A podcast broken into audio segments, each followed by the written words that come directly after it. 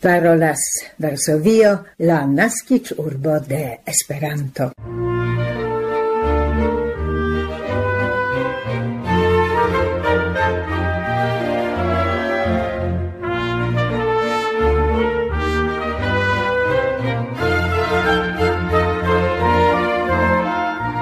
koran bonvenon carai auscultantoi en la 1241 sendo de la Pola Retradio audigianta la kvinan de maio 2023. Hodiau apartan invitan saluton por nia radioprogramo direktas Barbara Pietrzak kaj Maciej Jaskot. Tradicie en la comenzo ni proponas kultur kronika in informoin. Hodiau krome Maciek proponas le ni archivo felietonon dedicitan alla loco Szydłów. En la Esperanto komunuma segmento ni memorigas pri la juniaj Esperanto tagoi de Krakovo, kiui okazos post neplena monato, kaj krome ni gastigas hodiaŭ la ĉeforganizanton de la evento Polyglot Gathering 2023, Petro Balasz. Komence aŭdiras kulturkronikaj informoj.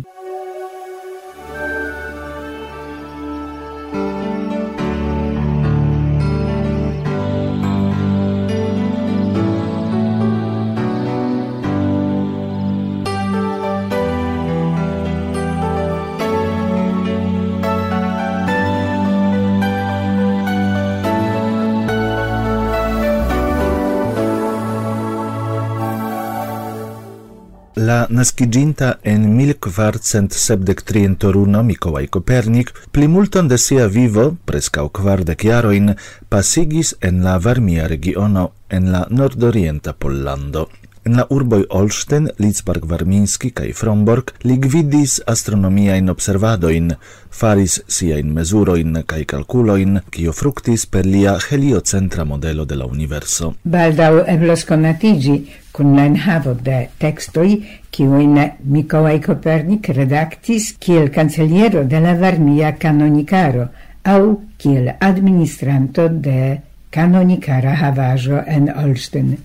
Gis nun in estis conatei kiel resumoi, nun plei versaine en maio ili aperos en aparta libro en originalo, oni presentos gian copion, kai documentoi aperos ancau en traduco. La traducon en latino faris episcopo professoro Julian Wojtkowski. Temas same pri textoi neniam pli frue traducitai, kiel ancau iam traducitai, en kiuj post critica analizo necessis coherigi terminologion. Exemple la latina vorto dominus en laica traduco signifas signoron, en la ecclesia terminologio gi signifas sacerdoton. Tiu nova traduco obligas al rigardi la figuron de la astronomo lau lia religia funccio. Generale oni pensas pri Copernic kiel pri astronomo, juristo, curacisto, quasau distance disde tio, che li estis canonico, religiulo. Alia curiosajo estas che laula traduco de germana texto de Copernic el 1517 eblis constati che li usis germanan dialecton caracterizan por torun patricioi. Inter la documentoi presentotai en pretigata libro trovigas crome la texto de protocolo pri transpreno de la canonica ofico fare de lia sekvanto, qui ocasis la dudec unuan de maio 1543.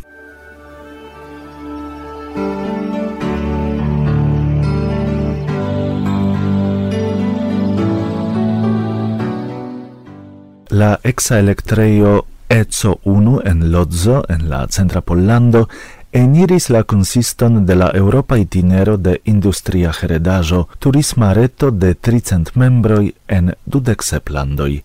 Gia celo estas doni la atenton al la comuna industria heredajo. Eco 1 estas iu en la plei spektaklecaj exemploi de revivigo de sengradigitei industriei industriaj en Lodzo, la centra Pollando. La iama electroheiteio el la comenzo de la dudeca iarcento, dum la laste iarui transformidis en modernan kulturinstitucion cae locon de rencontigioi.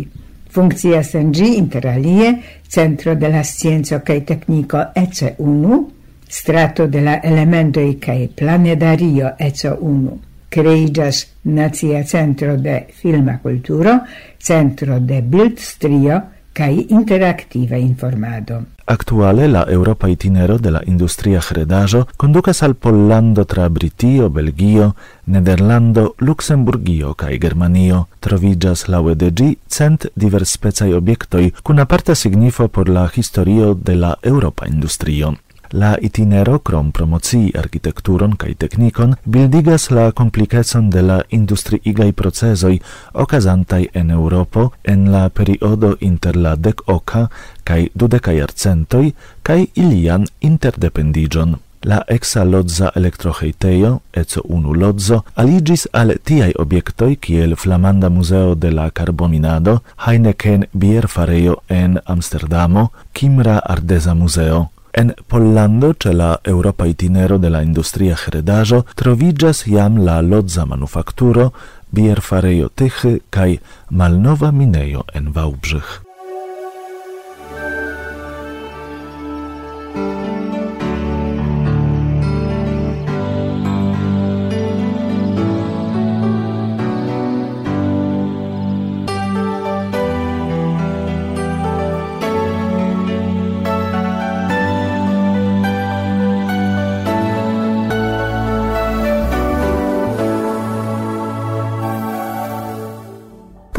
retradio daurigas la Esperanto-elsendon.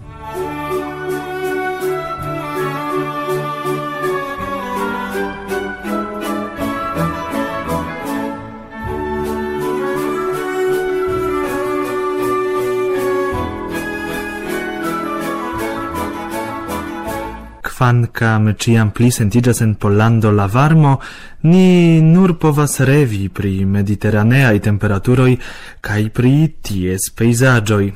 Tamen, por iom proximigi cae revi pri Suda Europo, mi proponas hodiau visiti la locon Szydłów en la Suda Pollando, kiu rigardata de malproxime pro blancai calcostanai muroi cae urbo pordegoi vecas asociacioin kun la suno plena cae varma Hispanio. Szydłów des pli meritas nien viziton, char gi estas la unusola urbo in Pollando, kiu en la dudecunua jarcento brile evoluas ene de siaj mezepokaj muregoj. oni diroi, tiam, kiam tiujn ĉi surcrescis sen limai arbaroi, plenaj de sovagiai bestoj, oni plej forte timis en la regiono ne ilin, sed iun concretan homon, la cruelan rabiston Szydło. Li estris bandon, kiu atakis komercistajn karavanoin simplain voyagiantoin, malbon chance elektintaj la lokan vojpasejon. Rabistoin interesis nur juveloi, kiu estis sekve kaŝataj en proximai cameroi. Iu foie tamen la orgoila rabisto, nereconinte bone la pasantoin, atakis la caravanon de Pola Regio. Dum la regiai cavaliroi luctis contra la rabistoi, la regio Casimiro la Granda pregis sur proxima altajo jurante, che se Dio savos lin, tiam en tiu ci loco li construigos pregeion. Cai tiel vere ocasis. Ciui rabistoi pereis, cae ilia estro, la mencita scidvo, devis redoni alla regio cascita in tresoroin, Ilia valoro ebligis elkonstrui sur la altaĵo preĝejon kaj et leion, cies nomo derivigas de ŝiduorabisto kaj nun sonas Ŝiduf.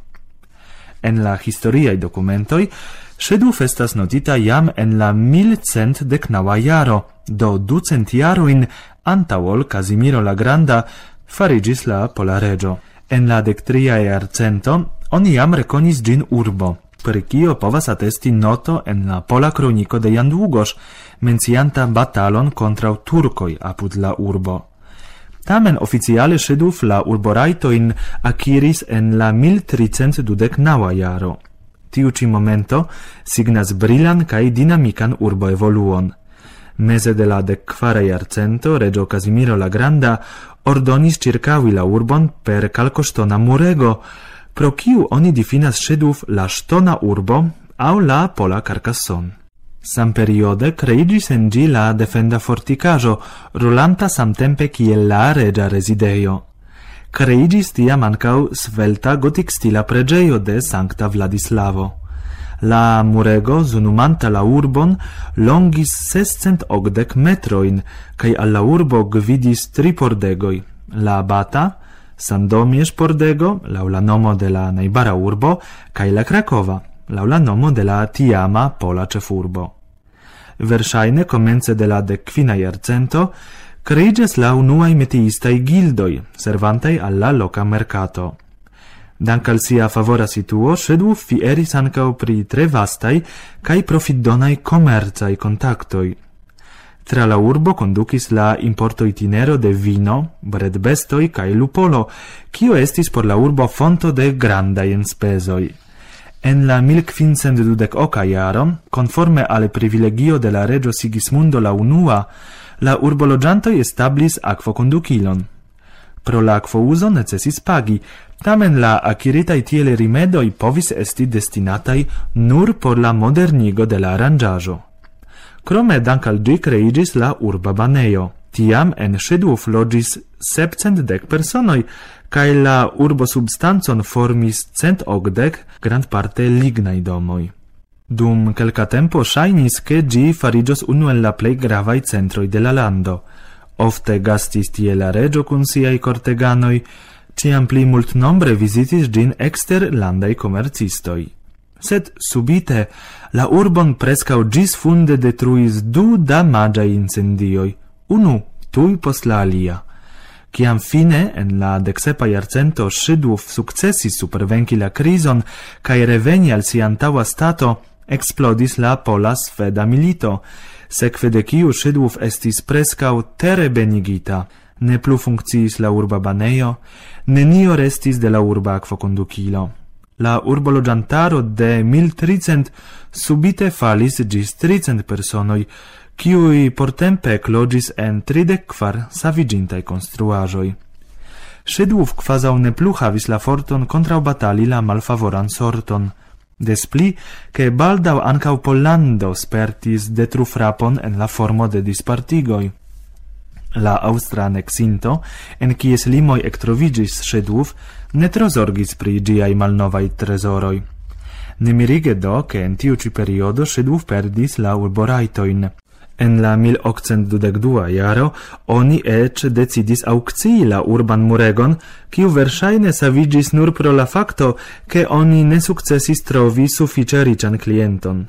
Kvankam la sekvaj jarcentoj ankaŭ ne tro favoris Szydłów, ĝi pojome reakiras sian iaman belon kaj rekonon en Pollando. Nun ciui giai malnovai construajoi estas zorgeme renovigitai. La urbo farigis loco de unu el la plei famae in Pollando cavalirai turniroi, sed ne sole ili estas la ocaso memori pri la pasintezo.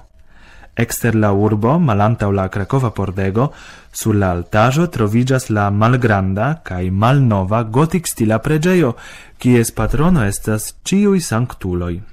Oni dire, giuste ci loce pregis la pola regio Casimiro la Granda attacchita de la rabisto Cae ni ne forgesu aldoni, che exacte sub gi trovigas camero iam casinta nenombrebla in tresoroin, stelatain de la locae rabistoi, estritai de la cruela Sheduo.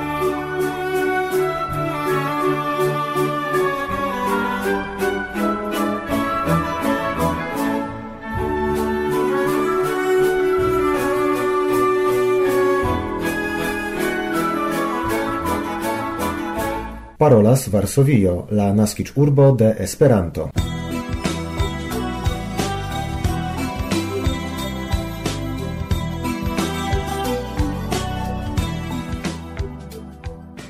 comence de junio, semain fine inter la 2 gis la quara de junio 2023, ocasos la tridec quarai esperantai tagoi de Krakovo. En la rice provisora programo estas antauviditai plurai contribuoi de locai cae exter Krakovai esperantistoi, inter alie Lidia Ligenza parolos pri la literaturai patronoi de la jaro 2023, Wisława Szymborska cae la grafo Aleksandro Fredro. Ne nur tiui temoi ligas alla urbo de la tagoj.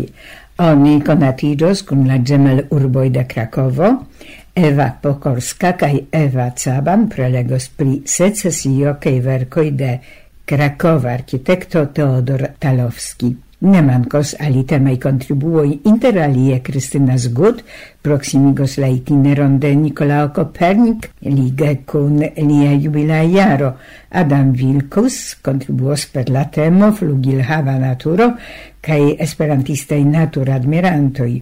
Timoteus Smolinski sian elpason titolis La fisico cae chemio en taso de Teo. Marius Rado prelegos pri astronomia temo – Planedo Venuso fratino de Tero. Włodzimierz Apoka attendita in efficoine de medicamentoi. Quelcan tempon okupos la esperanto rilatei contribuoi kiel retai lerniloi de fremdei lingvoi de Magdalena Tatera, kiu temo estas ligita kun lingva kvizo. La tago estos la ocaso promene conatigi cun Krakovo cae ancau exter programe conatigi cun la urbo. Temas aparte pri la urba spectaclo granda parado de dracoi disvolvigianta ce la bordoi de Vistulo, pretigita de la loca teatro grotesca. Ginigas en la historia dato la quina de junio 1257, ciam la Krakova princo Boleslao La Hontema, Boleslao la Czasta, eldonis documenton base de la legio de Magdeburgo pri la urbo Krakovo. Last tage, tio estas dimanche la kvaran de junio, estas planita tut taga excurso alla loco Bochnia, kaj se tempo permesos al Nove Viśnicz.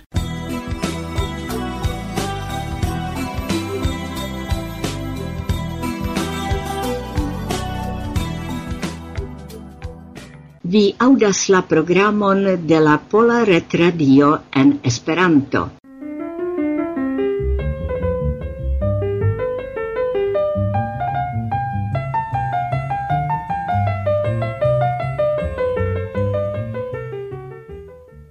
Antaŭ nelonge, iom malrekte, niaj aŭskultantoj aŭdis pri poliglota rencontigio reta, char dankalgi gi antau nea microfono gastis unu en la prelegantoi Aleksandro Galkin, poliglota rencontigio ocasinta fine de marto cae aprilo estis organizita de ECI, la cef organizanto estas Peter Balash, cae ni tre gioias, che vi gastas antau nea microfono Do, diru generale, kio estas poliglota renkontigio, kaj tute aparte tiu reta kio okazis? Do, saluton al ciui. Poliglota kunveno, kiel ni nomas gin en Esperanto, ĉar estas traduko de la angla Polyglot gathering, do gathering estas ĉu ne tia kunveno, renkontigio, pli aŭ malpli formala, ol eble conferenzo au aŭ alie feroi. Do la evento facte nascigis iam en la jaro 2014, kaj unu aj triaro estis organizita en Berlino, char la cefai fondintoi, ni diru, estis facte tamen tri esperantistoi, qui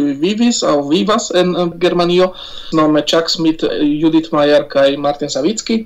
Do eĉ malgrau che gino migas Polyglot Gathering, ca estas cefe por polyglotoi do ne nur por esperantistoi, plene en la radicoi de la evento estas profunde esperanto, Kai tiu ci evento simple ja celas generale homo in kiu shatas lerni lingvoin au eble juste ne shatas sed volus havi konsilojn de spertaj poliglotoj, homoj plura in lingvoin ki eble pli efike lerni, pli facile, pli rapide, kotopo.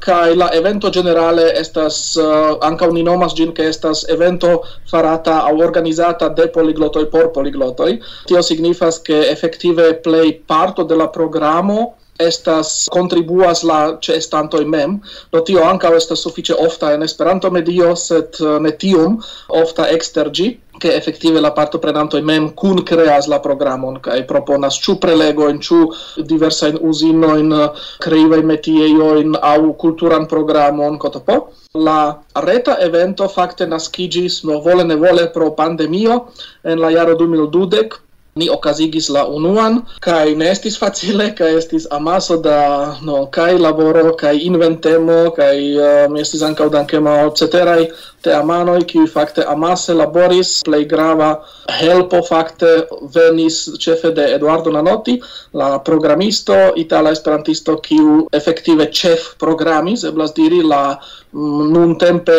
nian platformon por retaj eventoj, por virtuale rencontigioi, kiun ni poste nomis Red Event, kaj pere de gi fakte okazis jam kaj Eh, ciu gis nunai retai Polyglot Gathering online, do eh, en retai polyglotai convenoi, set ancau dum lasta iaro la virtuala congresso, do quasi tavo au virtuala versio de universala congresso de UEA, sed ancau retoso de teo, kai kelkai aliai eventoi. Do facto, uh, oni la... tui reconis tiun si platformon kiam oni eniris la nuniaran retan renkontiĝon kunvenon de poliglotoj plurlingvuloj, ciu mi eraras ia maniere mi havas iujn asociaciojn che il ehas en tiu ci poliglota conveno tiu lingvei festivalui. Certe, yes. Do, eblu diri che en tuta poliglot conveno estas, ni diru, granda lingua festivalo, kiu estas, nu, parte iom babeltura festeno, malgrau la facto, au danke al tio, ec paradoxe, che staras malantau gi esperantistoi,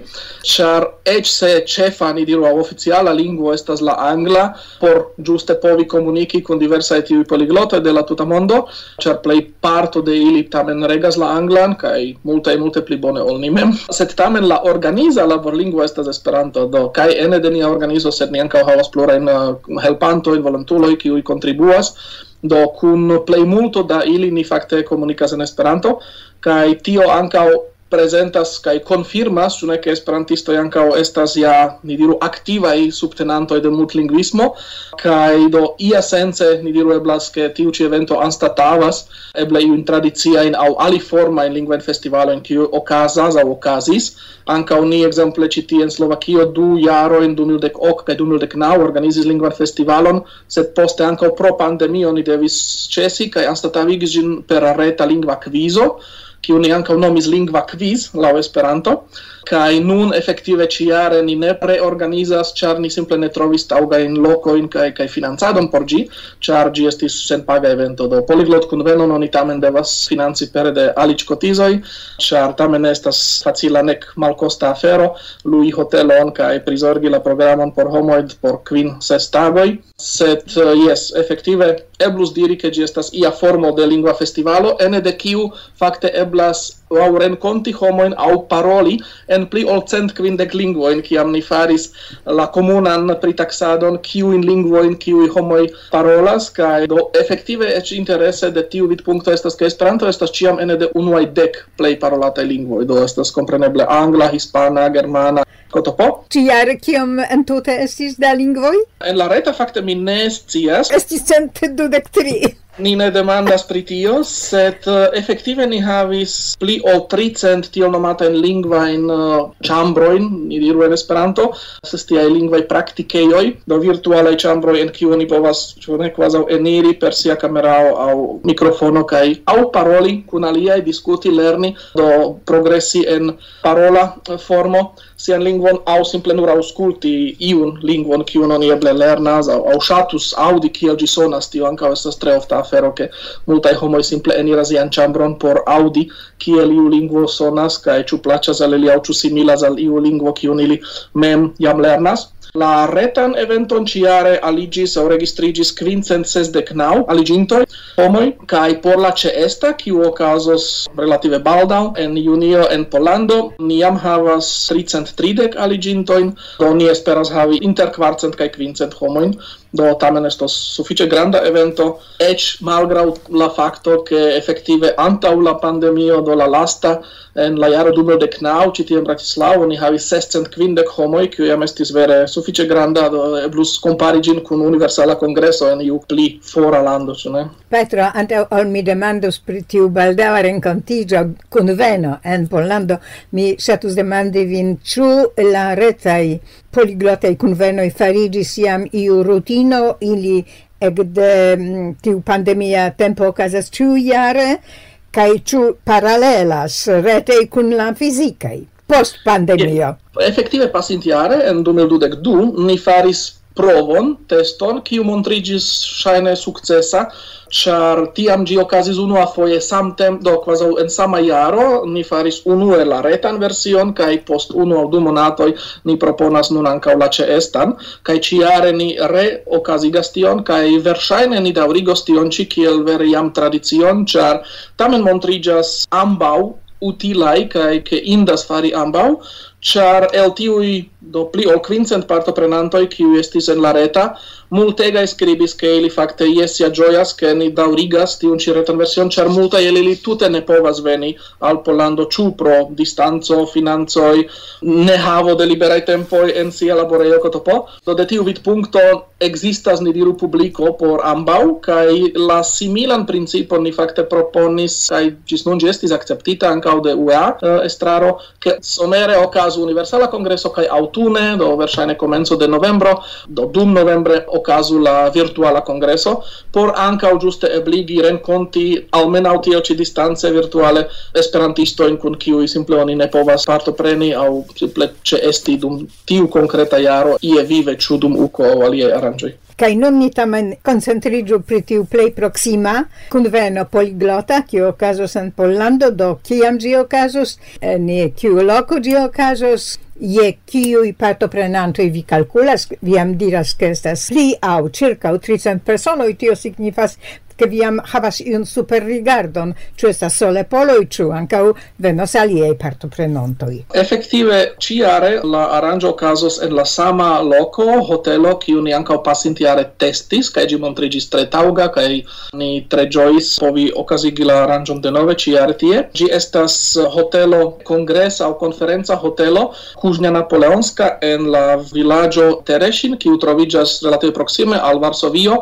La avantaggio estas ke ancau veturas uh, regulai trainoi uh, recte de Varsovio ec recte de la flughaveno aŭ de trainaj stacidomoj eblas atingi ĝin ene de 30 kvardek minutoj. Do ĝi estas relative facile atingebla kaj plej multaj partoprenantoj fakte loĝos rekte en tiu hotelo kie ankaŭ okazos la ĉefa programo. La aranĝo okazos inter dek kvara ĝis dek naŭa de junio. Do ekde merkredo ĝis ni diru lundo sed do lunde matene estas ni ĉefe simple forir tago do dimanĉe nokte ankoraŭ estas la la lasta diava vespero kun nokta programo. Do ĝis nun ni havas 328 partoprenantoj el kvindek tri landoj, kiuj tamen loĝas en kvardek du landoj.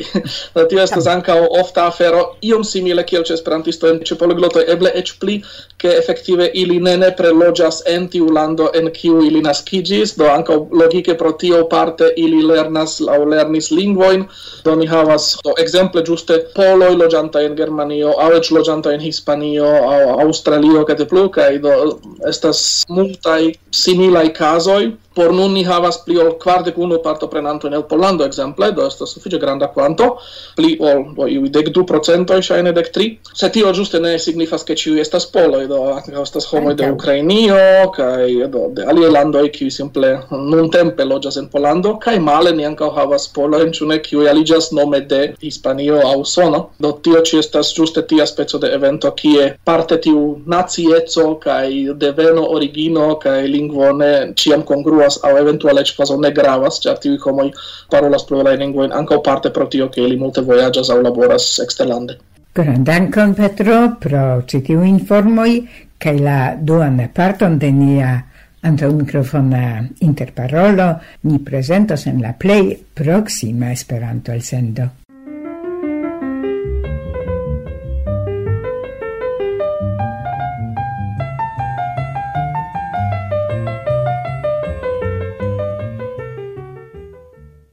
gesignoroi proximigis al la finonia lauvica Esperanto el sendo el Varsovio. Ni esperas, che vi denove pasigis kun nia grablan informriĉan tempon, cae se tiel estas, ne forgesu confirmi tion, ec se mallonge. Gioigos nin viai commentoi cae opinioi, cae donatsa subteno de nia laboro ce nia UEA conto vars strecoto. Gesignoroi, gis la baldaua reaudo.